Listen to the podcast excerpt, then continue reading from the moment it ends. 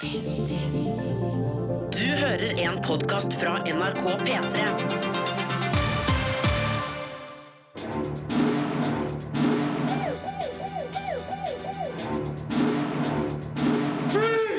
Filmpolitiet! What's your name, dude? Birger Vestmo.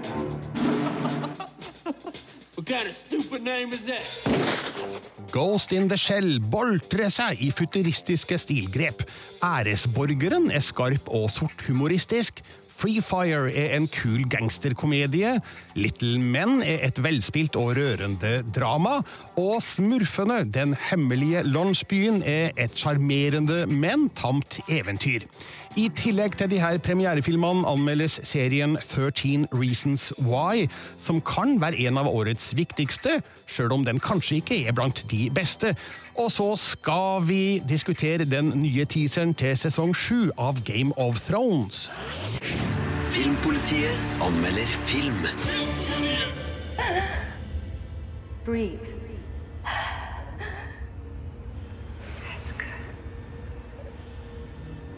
Do you remember anything about the attack? What happened? There was an attack, terrorists. Why can't I feel my body? Mira, your body was damaged. We couldn't save it. We made you a new body. But your mind, your soul, your ghost, it's still in there. You are the first of your kind, Mira. Ghost in the Shell er basert på Masamune Shirovs anerkjente mangaserie fra 1989, som ble til en like anerkjent animefilm seks år seinere. Mye er animert også i den nye filmatiseringa, men nå av den datagenererte sorten. Scarlett Johansson spiller godt i hovedrollen i en visuelt slående film, der regissør Rupert Sanders, kjent for Snow White and The Huntsman, virkelig boltrer seg i futuristiske stilgrep. Synd da at historien ikke vekker mer engasjement enn den gjør. Akkurat som omgivelsene virker også figurene i overkant kalde, glatte og humørløse, slik at det er vanskelig å bry seg mye om hva som skjer med dem. Det beste med Ghost in the Shell er hvordan den spår hvordan en asiatisk storby kan komme til å se ut i nær fremtid, der man konstant bombarderes av visuelle inntrykk. Alle som driver med reklame, vil komme til å se denne filmen med stor interesse. Den underliggende tematikken om sjelesøk i grenselandet mellom menneske og maskin er imidlertid utforska bedre og grundigere før, både i kildemateriale og filmer som Ghost in the Shell slekter på. Men herregud, så vakkert det er! This is Major. I'm on site. Someone's scanning data traffic. Let's see who's worth this kind of surveillance. Accessing hotel security network. Major, spilt av Scarlett Johansson, representerer det siste innen kybernetikk. Bare hjernen er menneskelig, mens resten av kroppen er en avansert robot. Hun er skapt av dr. Olé, spilt av Juliette Binoche, i selskapet Hanka, og jobber i aksjonsgruppa Section 9 under ledelse av chief Daisuke Aramaki, spilt av Takeshi Kitano, som bekjemper samfunnstrusler i den asiatiske storbyen Newport City. Når den mystiske hackeren Kutze, spilt av Michael Pitt, går til digitale angrep, legger Major ut på jakt sammen med sin nærmeste kollega Batou, spilt av danske Pilo Aspek. Underveis får Major noen glimt fra en fortid hun ikke husker, da hun fremdeles var et menneske, noe som setter hele oppdraget i et annerledes lys. You never talk about your past. I don't remember much. Just fragments. There was an attack. You were dying. We saved you. And now you save others. Everything they told you was a lie. You had a family. Scarlett Johansson har en vanskelig rolle å takle. For hvordan spiller man en robot som publikum kan knytte emosjonelle bånd til? Mye ligger i blikket hennes, noe også en av figurene i filmen bemerker. Vi ser i måten hun betrakter andre på, at det ligger følelser på lur bak Majors glatte ytre. Johansen spiller beherska og målretta i en rolle som krever større rekkevidde enn man skulle tro.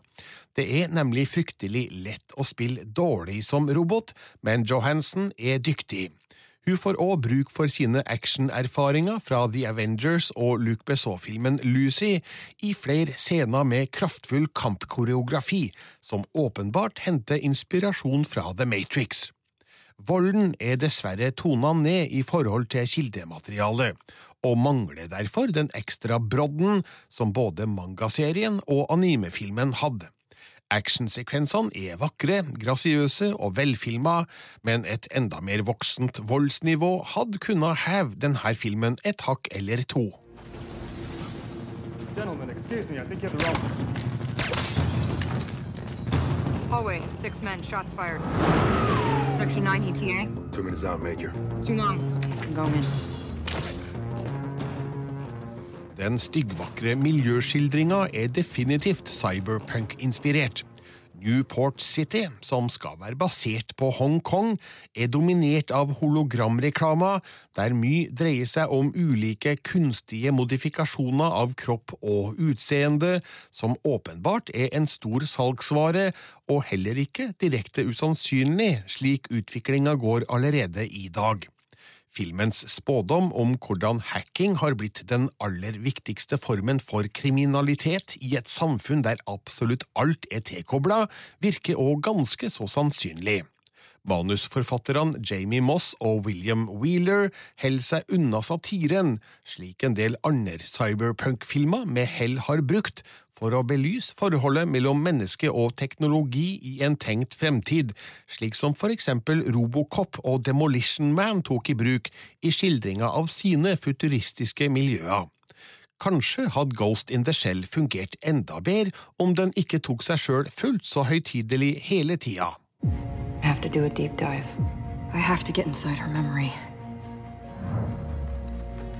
Consent required for data download. I give my consent.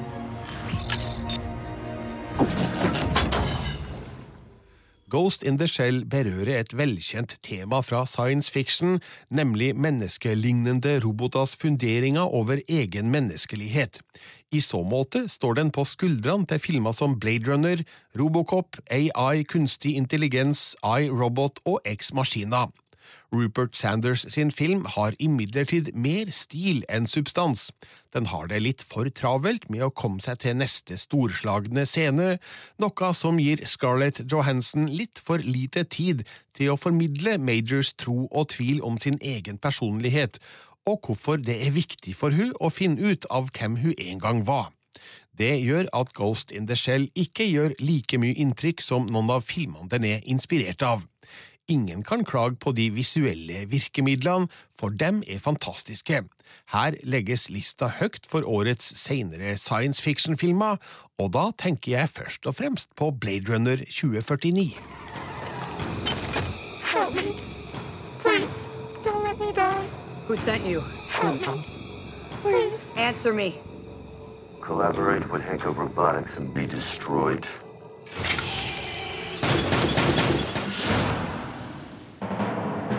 Terningkast fire. Filmpolitiet På P3. Nå også med Sigurd og Marte. Hallo! Fordi vi skal snakke om La meg bare kjøre et bitte lite klipp som alle vil kjenne igjen.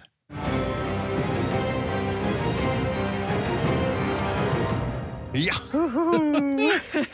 Eh, Hvorfor skal vi snakke om Game of Thrones, Marty? Å, fordi endelig så har det kommet en, en ordentlig promo for syvende sesong av Game of Thrones. Eh, Den kom ut eh, i går kveld, eh, og det er jo ikke veldig mye vi har fått se, eh, og antageligvis ikke noe som faktisk ender opp i sesongen, Nei, for for- det ser ut som en sånn promogreie. Ja, det, det tyder jo på at det er spesialfilmer for denne teaseren, Sigurd. Ja, det gjør det. Og til alle dem som nå tenker Nei, nei, nei, jeg vil ikke vite noe! jeg vil ikke vite noe Altså, det, det var ikke veldig spoilete, det vi fikk se. Men det vi fikk se, var at uh, det er nok tre personer som kommer til å være hovedpersoner i sesong sju. Og hvem er det? Marte, take it away. Ja, det er Daenerys, det er John Snow, og så er det da eh, Holdt jeg på å si den onde heksa?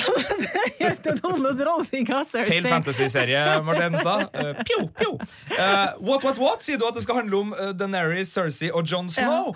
Ja. Det var vel ikke veldig overraskende, Nei. det? Men eh, det vi kan si, eh, er at altså, vi får lov å si ting vi Vi får lov å snakke om ting. Okay. Fordi i eh, det denne mm, traileren, da, eller promoen, handler om, er at eh, de setter seg på liksom sine troner. ikke sant? John Snow er king of the north, Cersei sitter på jerntrona, og Daenerys setter seg på en trone vi ikke har sett før. Porselenstrone. Sorry, jeg måtte bare dra den. Men hun setter seg på en trone som veldig, veldig, veldig veldig sannsynligvis er eh, tronen på Dragonstone. Eh, og hvor er, det, hvor er nå Dragonstone, spør kanskje du? Ja, det spør jeg. Ja, eh, og det, Vi har sett Dragonstone før. Det er der eh, Stannis Baratheon eh, eh, har hatt tilholdssted i de tidligere sesongene av Game of Thrones, men det er Targaryen sitt sånn gamle sånn hovedsete i Vesterås. Så nå har altså, eller i promoen, så har altså Daenerys endelig vendt hjem til sitt fødested, og det er jo ganske spennende. Eh, Fun fact, eh, låta som brukes i teaseren er eh, Sit Down av bandet James fra 1989. det var den som passa best, da, Ja, de setter seg jo ned alle sammen da, Mm. på en eller annen trone, eller en stol i John Snows tilfelle. Så litt lite troneaktig Ja, ut. han, der. Det er litt dårlig på tronefronten oppe i Ja, nord. Jeg ville ha tatt en liten prat med rekvisittmakeren hvis det var Kit Harrington og sagt 'kom igjen, da'! Men du, i slutten av den teaseren så skjer det noe, Marte. Ja, eh, vi får jo se at det har begynt å bli kaldere også sørpå. Cersei sitter og puster, og så kommer det frostrøyk ut av munnen hennes. Og så zoomes det inn, og så får vi se et øye, og det er jo da øyet til uh, The Nights King. Altså White Walker-sjefen. Skal bare varsle allerede nå om at jeg og Marte har en del teorier her. Så det, kommer Ja. til å komme, altså det blir en ny sesong med Game of Thrones-podkast fra Filmpolitiet, der Mm. det er spoiler, eh, spoiler, spoiler, spoiler hele veien. Så for dem som er interessert i å høre teorier der, send inn teorier, så er det bare å gjøre det allerede nå til Filmpolitiet. Alfakrøll, Ja, altså. Den promoen her har satt systemet i gang. Altså, nå er vi tilbake på teorifronten og spekulerer og står i. Det er kjempegøy. Ja, Det jeg lurer på, er Kjem den herre jævla vinteren snart, eller? Jeg har venta på den i seks ses- sesonger. Ja, men nå, den er her nå. Den er her nå. Filmpolitiet anmelder film.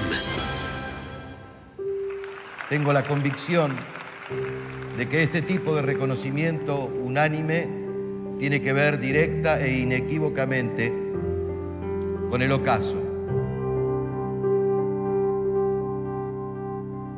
Llegó esto a Argentina, de su pueblo, de Salas. Salas, ¿estás segura? Quieren nombrarlo ciudadano ilustre de Salas, que dé unas charlas todo en el marco del aniversario del pueblo. ¿Hace mucho que no va? Sí, casi 40 años. Me fui a los 20 y no volví más. Creo que hice una única cosa en toda mi vida, escapar de ese lugar. Den argentinske filmen Æresborgeren er en skarp og sorthumoristisk historie som virkelig fortjener oppmerksomhet. Her er nemlig et godt skrevet drama med flott skuespill og stram regi av Gaston Duprat og Mariano Kohn.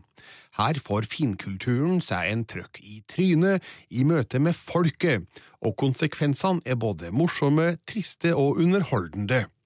Æresborgeren viser hvordan sannhet kan tolkes ulikt fra person til person, og filmen har sjøl noen puss og spill sitt publikum som gjør den mer enn severdig.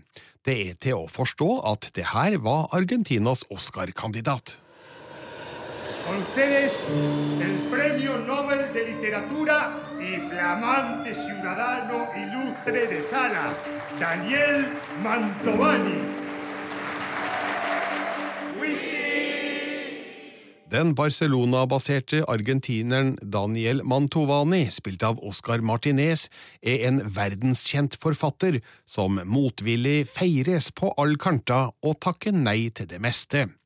Så blir han invitert til den lille hjembyen Salas i Argentina, som han ikke har besøkt på nesten 40 år, men brukt som inspirasjon i alle sine bøker. De vil utnevne Mantovani til æresborger, og han bestemmer seg for å dra.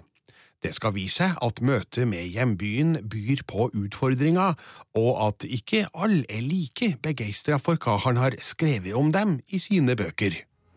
Daniel, una pregunta simple, pero creo interesante. ¿Por qué sos escritor? Bueno, no es simple, es una pregunta de muy difícil respuesta. Yo creo que eh, un escritor, un artista en general, es alguien que no acepta el mundo tal como es. Alguien a quien la realidad no le alcanza o, o no lo satisface.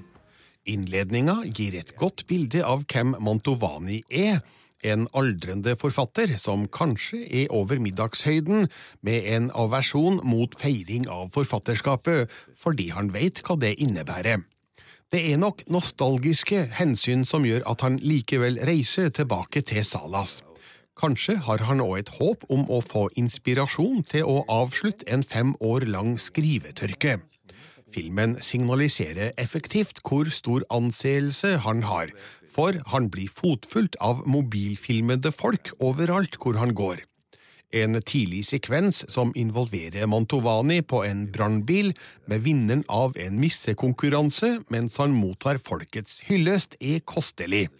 Det er forståelig at han får inntrykk av at alle elsker og respekterer han.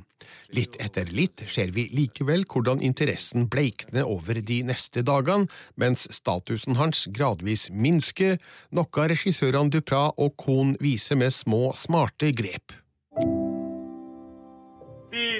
Antonio. A la noche, gran cena y baile en la sociedad rural. Jueves. Por la mañana sos jurado del concurso de pintura acá en la municipalidad. Por la tarde, tu primera clase pública. ¿Alguien quiere hacer una pregunta?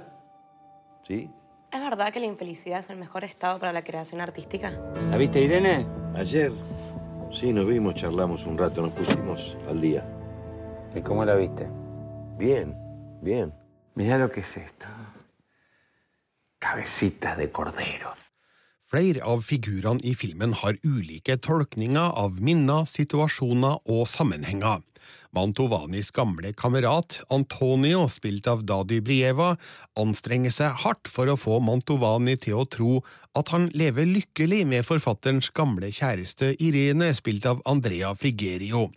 Deres datter Julia, spilt av Belen Chavan, vil komme seg vekk fra byen, akkurat slik Mantovani gjorde nesten 40 år tidligere, og er villig til å gå til drastiske skritt for å klare det.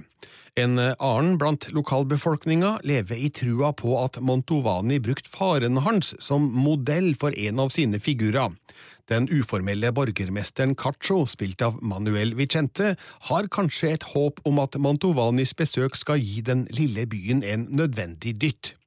Alle blir nødt til å endre sin oppfatning av hvordan landet egentlig ligger i løpet av filmen, der historien er et stort lappeteppe som er kløktig sydd sammen. Kinogjengeren får òg en mulighet til å diskutere hvem som egentlig sitter med sannheten her, og hvem som fortjener vår sympati. Det er ikke like opplagt hele veien at det er Mantovani. Han blir riktignok utsatt for noen ufine konfrontasjoner fra småbyfolk som befinner seg på et annet kulturelt nivå enn han, eller er det Mantovani sjøl som betrakter dem hovent og nedlatende i måten han belærer dem om kunst? La democracia y la felicidad producen una literatura mediocre y sin. La gran literatura aparece en comunidades injustas y violentas, donde el vacío existencial se llena de creación. Firmado Daniel Mantovani, Berlín, mayo de 1991. Me rindo. Æresborgeren har mange ukomfortable scener, der man ikke riktig veit om man skal le høyt eller vri seg i setet fordi det er så pinlig. Man kan like godt gjøre begge deler, for det her er en satirisk film som balanserer hårfint mellom det komiske og det tragiske. Mantovanis fall fra høykulturens topper blir brutalt i møte med en lokalbefolkning han ubevisst ser ned på. Oscar Martinez spiller overbevisende godt i hovedrollen, noe han ble belønna for med skuespillerprisen Coppa Volpi under fjorårets filmfestival i Venezia. Æresborgeren er gledelig god, så all ære til Tromsø internasjonale filmfestival, som har gitt en norsk kinodistribusjon. Toda la obra de este está montada sobre la calumnia a su propia comunidad. ¡Hola! Sí,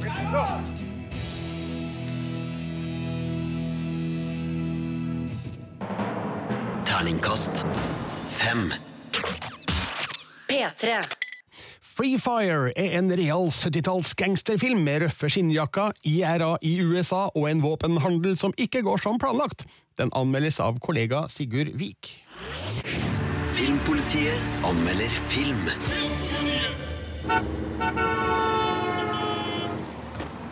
Look at this fucking Mulian. Man, her asshole brother's got his feet so far under the fucking table. You know what you should do? You should just tell him to leave. I can't, man. It's, it's all part of the deal.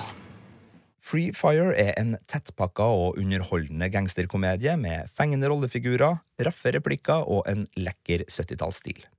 Det er et fascinerende kammerspill som effektivt bygger opp flere spente situasjoner og relasjoner, og spiller ut det hele i en godt komponert voldsdialog. For det her er en pratefilm med pistoler. Her avslører kulene og måten de blir avfyrt på, like mye om relasjonene mellom rollefigurene som de faktiske ordvekslingene. So where's our guy then?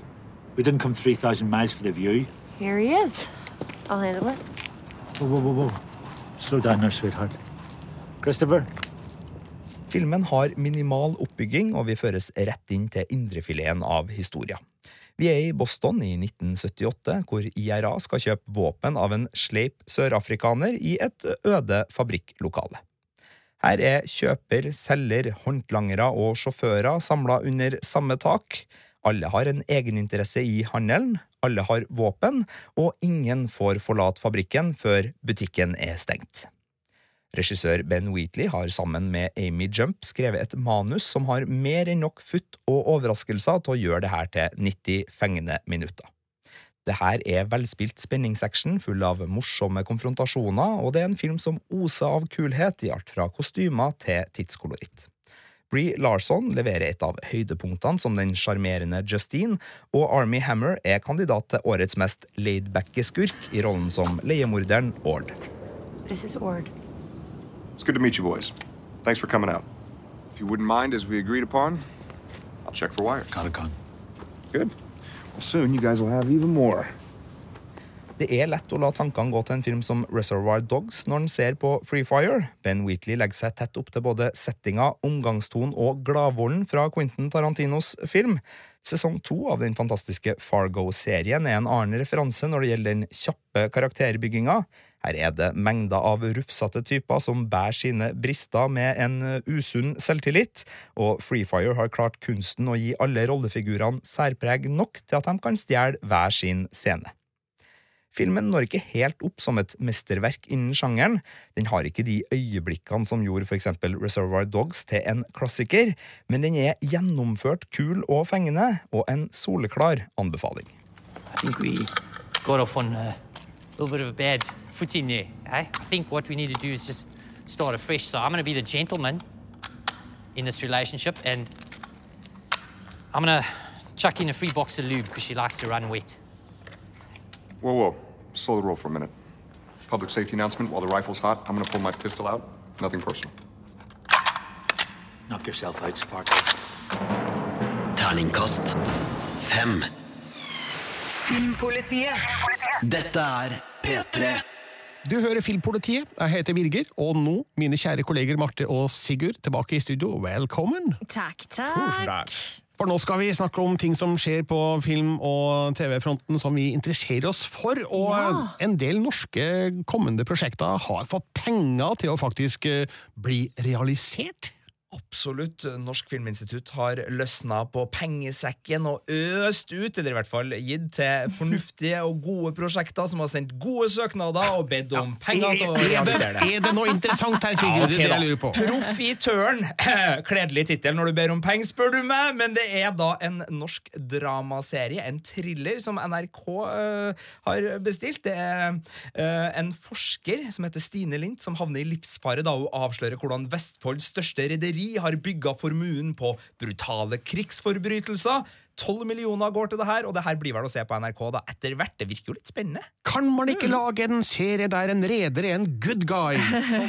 Det tror jeg ikke Bare er til gode for menneskeheten. Du vil ha Bruce, Bruce Willis i rollen som rederen som tar øh, Ja, ja, ja.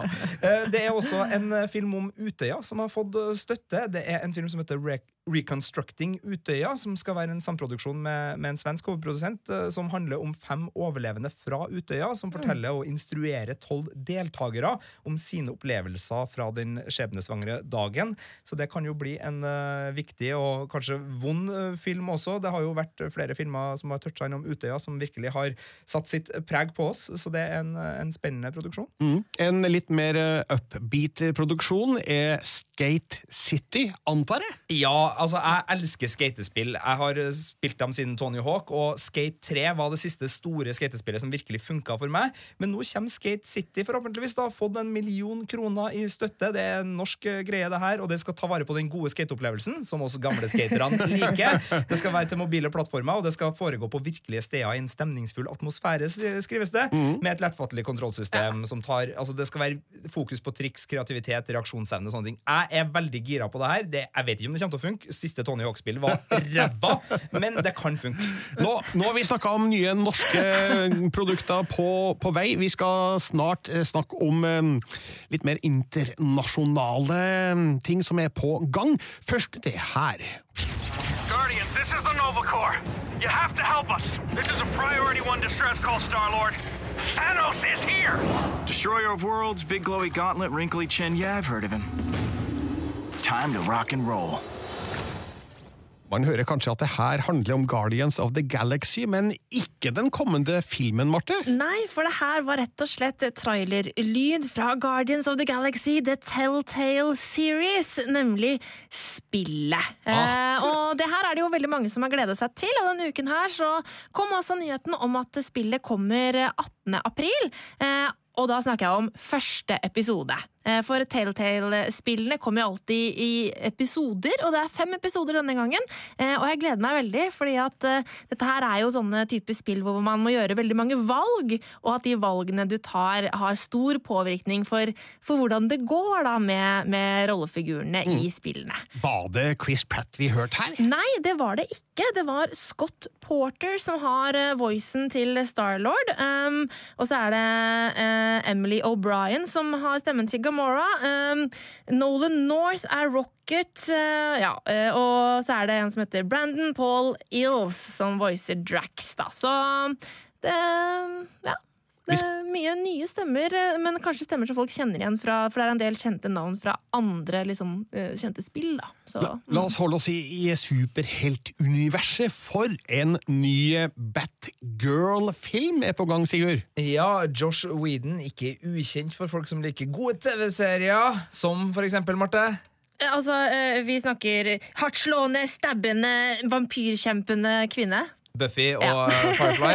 Eh, han skal lage eh, Batgirl-film, og Batgirl er da eh, Barbara Gordon. Dattera til Commissioner James Gordon, Batmans gode venn. Hun har vært på film før, spilt av Alicia Silverstone i Batman og Robin, og finnes også i Lego Batman-movie og diverse. Du var og kikka litt på det der, Birger. Hvor mange ulike Batgirl-greier fant du? Jeg, jeg telte ikke. Det var veldig veldig mange. Blant annet en kortfilm fra 1967. Det var det første jeg fant. Ikke sett. Men hun har jo aldri hatt sin egen film, så det blir kult. Ja, og i liksom Hayley Quinn eh, og, og Wonder Woman-greia nå, det er masse kule kvinnelige superhelter som pumpes ut av DC sitt eh, universe, og når Josh Whedon får lov til å holde på med det, blir jo uh, lovende, i hvert fall. Og jeg, og jeg syns jo at uh, Alicia Silverstone kan bare legge seg i hardtrening. Det blir hardtrening. Jeg er sikkert uh, over 40 år nå, men Ja, eh, 50, 60. Jeg tror hun har 70. Nei, hun nå har blitt nå. 80 år har hun nei, blitt, garantert! nei, Jo, jo, jo, jo, Jeg vet ikke hvor mange der ute som faktisk husker Alicia Silverstone, Ah. men hun var jo en 90-tallsstjerne, i hvert fall. Ja, hun var det. Eh, Men det finnes sikkert en up and coming yngre skuespiller som kan ta den rollen. En veteran som eh, skal være med på film, er Beyoncé. Ja, altså hun skal eh, mest sannsynligvis da ha stemmen til Nala i spillefilmversjonen av Løvenes konge? Altså uh, reboot uh, Remake, remake nyinnspilling. nyinnspilling. Altså, Nå begynner det å bli vanskelig. altså, Disney driver og, og lager nye varianter, spillefilmvarianter av eh, tegnefilmene sine. Men altså, hvordan skal, det er jo bare dyr i Løvenes Ja, det er ingen skuespillere der. Nei, så jeg lurer på hvordan altså, Skal de animere den på nytt, da? Ja, det er sannsynligvis snakk om en ja. ny digital animasjonsfilm. Kanskje med noen virkelige backdrops, altså virkelig jungel, virkelige savanner. Jeg, jeg vet ikke. Men, jeg i hvert fall, Virkelige løver? men jeg er veldig gira på uh, å høre stemmen til James Earl Jones igjen som Mufasa. Og så er det da Donald Glover da, som skal ha stemmen til Simba. Så jeg tror det kan bli bra, altså. Ja, jeg hadde omtrent nekta å se en uh, ny versjon av Løvenes konge uten James Earl Jones-stemmen som Ja. eh, Mufasa. Så vi er spent på det. Marte og Sigurd, tusen takk for nå. Vi ses etterpå på kontoret. Ja, det gjør vi. Greit. Filmpolitiet anmelder film.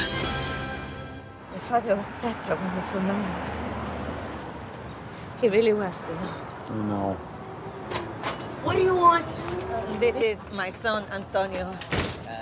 And I don't think you've uh, met my wife, Kathy.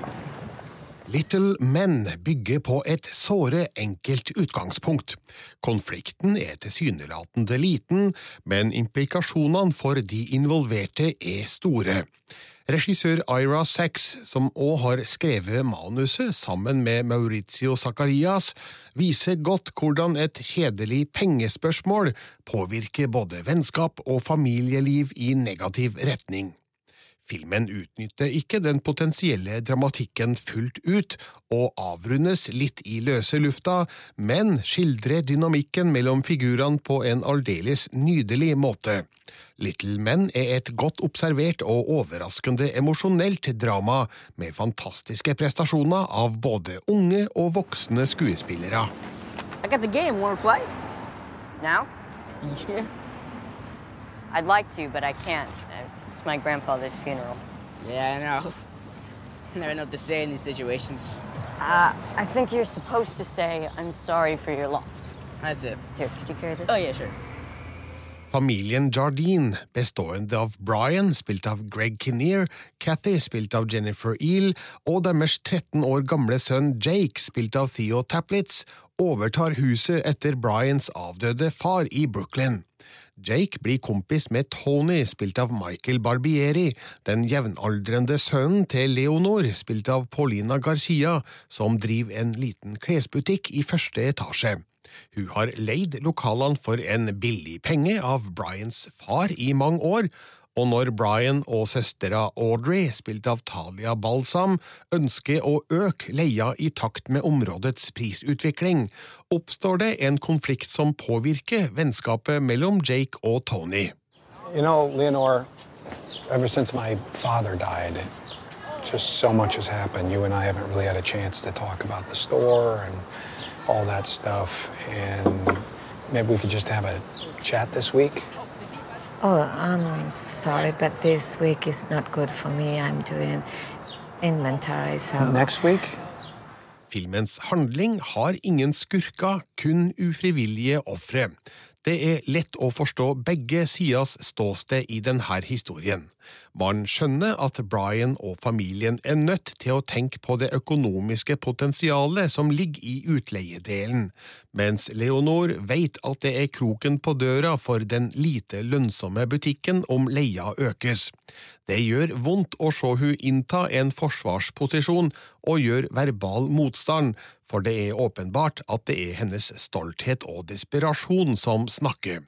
Man ser gjennom Paulina Garcias gode spill at Leonor innerst inn kjenner realitetene, men nekter å erkjenne dem. Brian, Cathy og Audrey fremstår som skikkelige folk, fanga i en lei, men uunngåelig situasjon som de forsøker å løse etter beste evne.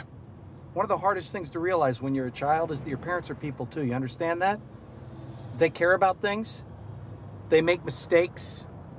That they try to do what they think is the right thing to do. Does any of what I'm saying make any sense to you? What's so funny, Tony? Huh? Jake og Tony er kanskje de viktigste figurene i Little Men. Både Theo Taplitz og Michael Barbieri spiller fortryllende godt som to ganske forskjellige typer. Jake skildres som et litt sjenert og forsiktig følelsesmenneske som blomstrer opp når han endelig får en god kompis. Tony er den tøffe, uredde og utadvendte typen, men de har noen sammenfallende interesser som borger for et godt vennskap.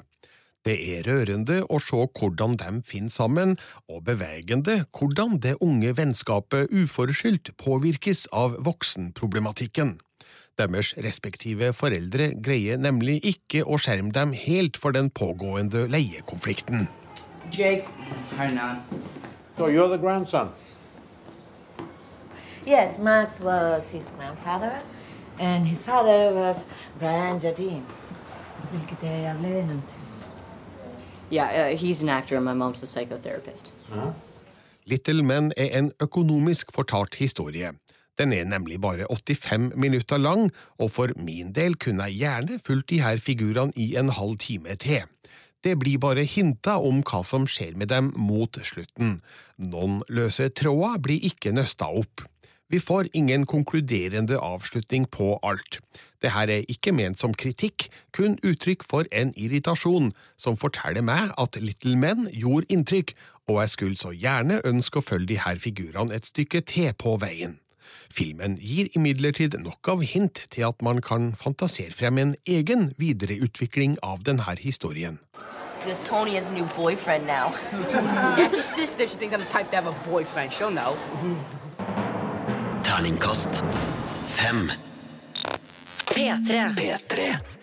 Selena Gomez, som du kjenner som artist og skuespiller, er blant produsentene bak Netflix-serien 13 Reasons Why, som har premiere i dag. Vår anmelder Fredrik Skaget Øyen har sett de fire første episodene, og mener at det her kan være en av årets viktigste serier, til tross for at den kanskje ikke er blant de beste. Filmpolitiet anmelder TV-serie. Hannah, I'm not going. Not now. Not ever. Why didn't you say this to me when I was alive? Ti minutter ut i første episode av 13 Reasons Why er mitt eneste inntrykk at dette er nok en serie for unge voksne om hvor utrolig vanskelig livet er på videregående skole. Etter en halvtime er jeg overbevist om at dette er en av årets viktigste serier, for livet på videregående skole er i visse tilfeller utrolig vanskelig. Settle in, because I'm about to tell you the story of my life. More specifically, why my life ended. Serien følger videregående-eleven Clay Jensen. I kjølvannet av venninna Hannah Bakers selvmord får Clay en mystisk pakke levert på døra. I pakken finner han lydkassetter som Hannah spilte inn før sin død, dedikert til 13 medelever hun mener er medskyldig i hennes selvmord. Gjennom de her lydinnspillingene rettes søkelyset mot mobbing, gruppepress og sexpress blant unge, hvor diffus definisjonen av de her tingene kan være, og hvordan sosiale medier har forandra mobbingens natur. Tape. Det er sjeldent man ser større avstand fra topp til bunn enn man gjør i 13 Reasons Why. På sitt verste er serien klisjéfylt og klein. På sitt aller beste er serien oppriktig hjerteskjærende og tankevekkende. Dylan Minette og Catherine Langford leverer sterke skuespillerprestasjoner, og figurene Clay og Hannah er både troverdig og nyansert. Det samme kan dessverre ikke sies om hele figurgalleriet. Mysteriet rundt selvmordet er spennende, og byr på tvister og konspirasjoner i et godt tempo. Det mørke og tragiske er lettere å svelge når man kan jage det ned med god gammeldags spenning. Jeg savner dog litt humor for å få enda flere pauser fra den triste tematikken. Manuset gjør sporadiske forsøk på snappy Gilmore Girls-aktig dialog, men det hele fremstår kun som påtatt og kunstig. Hey, it's Hannah. Hannah Baker. 13 Reasons Why er etter min mening viktigere enn den er god. Noen av scenene, rollefigurene og replikkene har man sett og hørt uendelig mange ganger før. Måten serien takler vanskelig og viktig tematikk på, har jeg derimot aldri sett før. Som serie er den midt på treet, som utgangspunkt i debatten om sosiale medier, mobbing og sexpress blant unge er den helt strålende. Til syvende og sist er det nok bra til at man fint klarer å leve med det dårlige. Jeg gleder meg til fortsettelsen. When you're done listening to all 13 sides, because there are 13 sides to every story, rewind the tapes, put them back in the box, and pass them on to the next person. Terningkast fire. Fredrik Skaget Øyen anmeldt de fire første episodene av 13 Reasons Why, som er tilgjengelig på Netflix fra og med i dag. Vil du lese en mer inngående anmeldelse, så ligger den altså da på p3.no Filmpolitiet. P3. Smurfene, den hemmelige landsbyen, er en helanimert smurfefilm, hvor blant annet Josefine Frida Petersen, kjent som Nora fra Skam, og Svein Østvik, kjent som Charter-Svein, har de norske stemmene. Det er Kelly Asbury, mannen som laga Shrek 2, som har regien på det her fargerike eventyret. Og har han sikte mest mot det yngste kinopublikummet denne gangen, ifølge Sigurd Vik. Filmpolitiet anmelder film. Bli med! Jeg har funnet et kart til en hemmelig landsby, men vi er nødt til å gå gjennom den forbudte skogen. Smurfene Den hemmelige landsbyen er ikke en animasjonsfilm som utmerker seg på noe særlig vis, men det er et fargerikt og fartsfylt eventyr med kjente fjes og tradisjonelle problemstillinger. Regissør Kelly Asprey byr på lite nytt under smurfesola. Figurene er sjarmerende og vitsene er mange, men mangelen på kreativitet, humoristiske høydepunkt og en drivende god historie gjør at filmen bare så vidt unngår å bli et langt, blått snork. Smurfeline! Jeg er rett ved Klønesmurf. Snart fremme. Det er bare ekkoet som lurer oss! Hvor er dere? Den onde trollmannen Gargamel tror at det finnes en hemmelig landsby full av ukjente smurfer inne i den forbudte skogen. Smurfer han gjerne vil fange. Smurfeline overhører hans skumle skogsplaner, og med hjelp av gode smurfevenner setter hun ut på eventyr for å stoppe den slemme trollmannen. Identitet, skjebne og tilhørighet er de sentrale temaene i denne smurfefilmen, og selv om det hoppes bukk over ganske sentrale utfordringer ved sluttbudskapet, så er de inne på en leken vri på en av smurfenes grunnleggende utfordringer, nemlig hva definerer en smurf? Vi er nødt til å stoppe dem før de oppdager sannheten. Jeg bare wow, wow, wow! De Den norske versjonen er generelt godt dubba. Det rykker i språkøret mitt noen ganger når det serveres vitser som virker å være oversatt ord for ord, men stort sett ivaretas humoren og flyten i den fysiske eventyrferden. Josefine Frida Pettersen, kjent som Nora fra Skam, gir naturlig liv til Smurfeline og klarer med nyansert stemmebruk å fange opp både den usikkerheten, den gløden og den nysgjerrigheten som preger den livsglade smurfejenta gjennom denne filmen. Også debutant Svein Østvik, kjent fra Charterfeber, gjør sine saker svært godt som den grusomme og likevel smått joviale trollmannen Gargamel. Men er ikke den forbudte skogen skummel og full av farlige overraskelser rundt hver sving? Smurfene Den hemmelige landsbyen er ikke blant de mest foreldrevennlige barnefilmene som kommer fra Hollywood. Her er det lite av doble bunner og raffinerte replikker, men som brukskunst for de minste er det her helt greit selskap i kinosalen. Terningkast tre. Smurfene, den hemmelige landsbyen, ble anmeldt av Sigurd Vik. Og da er dagens Filmpoliti faktisk over. Jeg heter Birger Vestmo. Les mer om film, spill og serier på p3.no Filmpolitiet. Du finner flere podkaster på p3.no podkast.